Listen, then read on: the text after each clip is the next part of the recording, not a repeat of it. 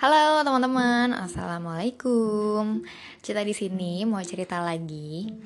Kali ini aku pengen cerita tentang pengalaman aku menjadi hashtag nanti gimana garis keras.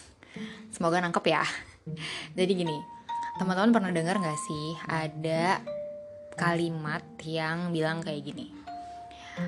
lebih baik kita pikirin nanti gimana jangan gimana nanti.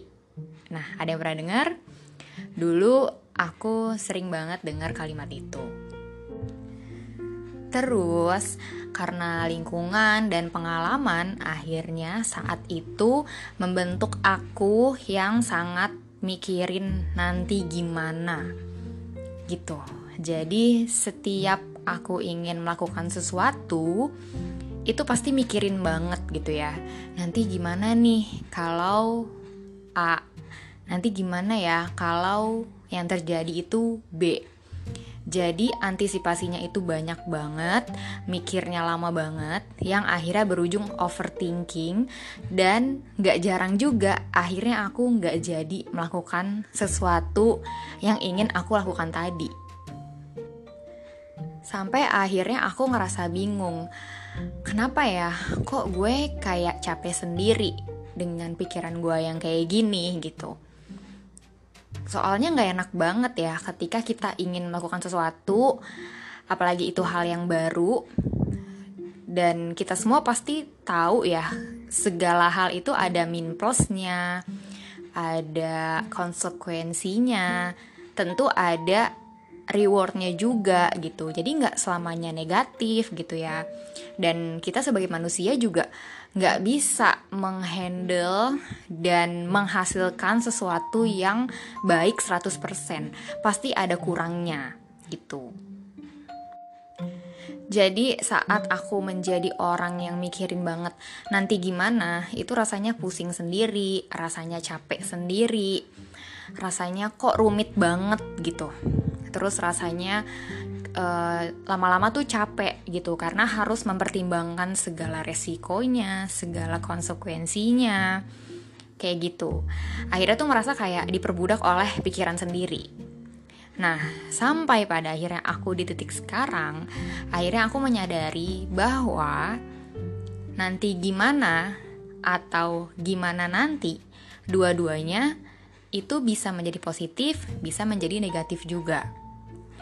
Kalau nanti gimana, positifnya adalah kita jadi bisa mengantisipasi apa yang akan terjadi, kita jadi punya plan A, plan B gitu ya. Negatifnya, kalau itu terlalu dipikirkan, kalau terlalu dalam, itu menjadi overthinking. Ketika kita overthinking, itu rasanya stres banget.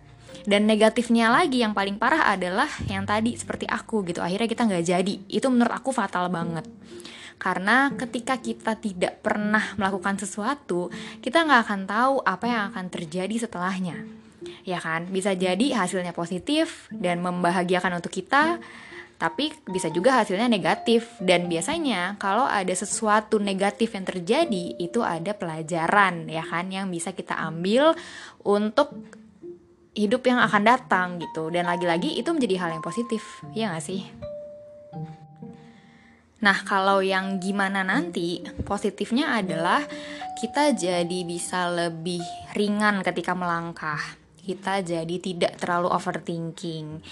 Kita jadi bisa lebih free gitu ya, lebih bebas gitu. Tapi negatifnya tentu kita jadi tidak mempertimbangkan, kita jadi tidak bisa mengantisipasi apa yang akan terjadi. Akhirnya kita nggak punya plan A, plan B-nya gitu. Jadi kalau misalnya yang terjadi ternyata tidak sesuai ekspektasi, ibarat kata nih kita kepleset dan akhirnya jatuh. Ketika jatuh kita nggak tahu apa yang harus kita lakukan gitu ya. Jadi kalau menurut aku pribadi ya teman-teman, kita tuh harus bisa menempatkan diri di tengah-tengah. Jadi jangan terlalu ke kiri, jangan terlalu ke kanan juga gitu.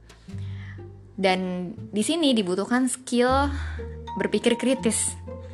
Ini soft skill yang menurut aku penting banget, semua orang harus punya dan bisa diterapkan di segala aspek.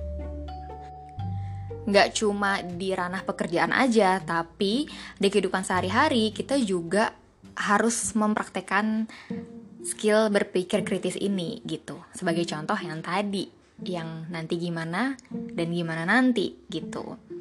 Contohnya deh, misal yang general dan netral ya.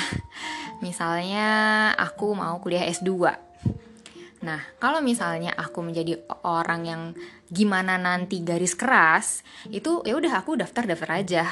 Ya udah aku uh, ikut tes ikut tes aja. Tapi nggak mikirin nanti gue bayarnya gimana ya. Uh, gaji gue sekarang berapa ya? Bisa nggak ya kalau ada alokasi dana khusus untuk bayar semesteran? Terus nanti waktunya gimana ya? Kuliahnya jam berapa? Gue selesai kantor jam berapa? Bisa on time gak ya nyampe kampus? Nah, kayak gitu-gitu ya. Jadi ketika orang yang gimana nanti itu nggak memikirkan itu semua gitu. Jadi udah jalan-jalan aja gitu. Nah kalau yang uh, nanti gimana yang garis kerasnya itu sangat memikirkan dan sangat memperhitungkan segalanya gitu ya. Mulai dari uang mulai dari waktu terus dari mood dan pikiran juga karena ketika S2 sambil kerja itu tentu pressure-nya jadi ada dua gitu kan dari tempat kerja dan dari kampus gitu. Belum lagi kalau misalnya mau nikah gitu kan. Nanti gimana nih deal-dealan sama calon suaminya. Ini seandainya ya teman-teman ya. Gitu.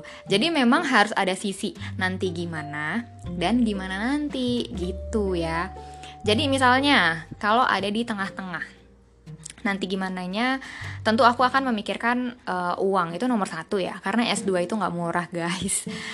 Yang pertama itu uang di dihitung nih pasti ya kan gajiku berapa terus untuk pengeluaran-pengeluaran wajib berapa, lalu bisa nggak nih buat bayar kuliah gitu.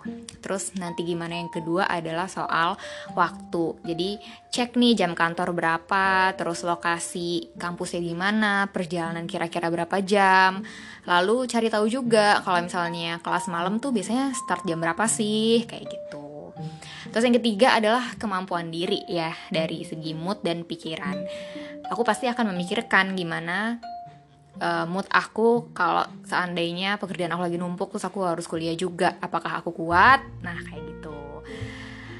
Nah untuk sisi gimana nanti itu misal ya yang uh, part mau nikah gitu ya. Duh nanti gimana ya kalau misalnya di tengah jalan tiba-tiba gue mau nikah? Nah untuk sekarang kan belum ada nih jodohnya. Belum ada ya kan? Jadi ya nggak usah dipikirin karena kita mau antisipasinya juga gimana gitu. Nggak ada yang bisa belum ada yang bisa diajak ngobrol soal itu. Terus juga belum tentu juga siapa tahu malah sebelum nikah gitu eh siapa tahu malah sebelum kuliah gitu kan nikahnya. Gitu.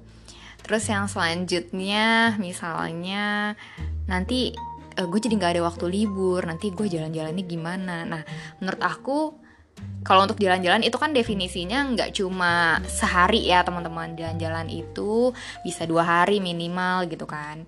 Nah itu juga gimana nanti aja gitu. Karena pada akhirnya refreshing itu nggak harus melulu jalan-jalan yang ber yang berhari-hari gitu kan.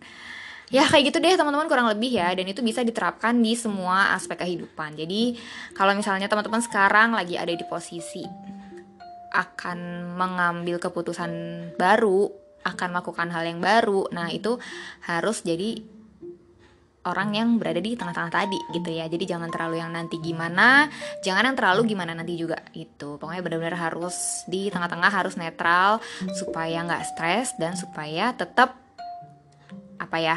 Supaya tetap aman juga jalannya gitu. Oke, sekian dulu teman-teman. Terima kasih banyak sudah mendengarkan. Wassalamualaikum. Dadah.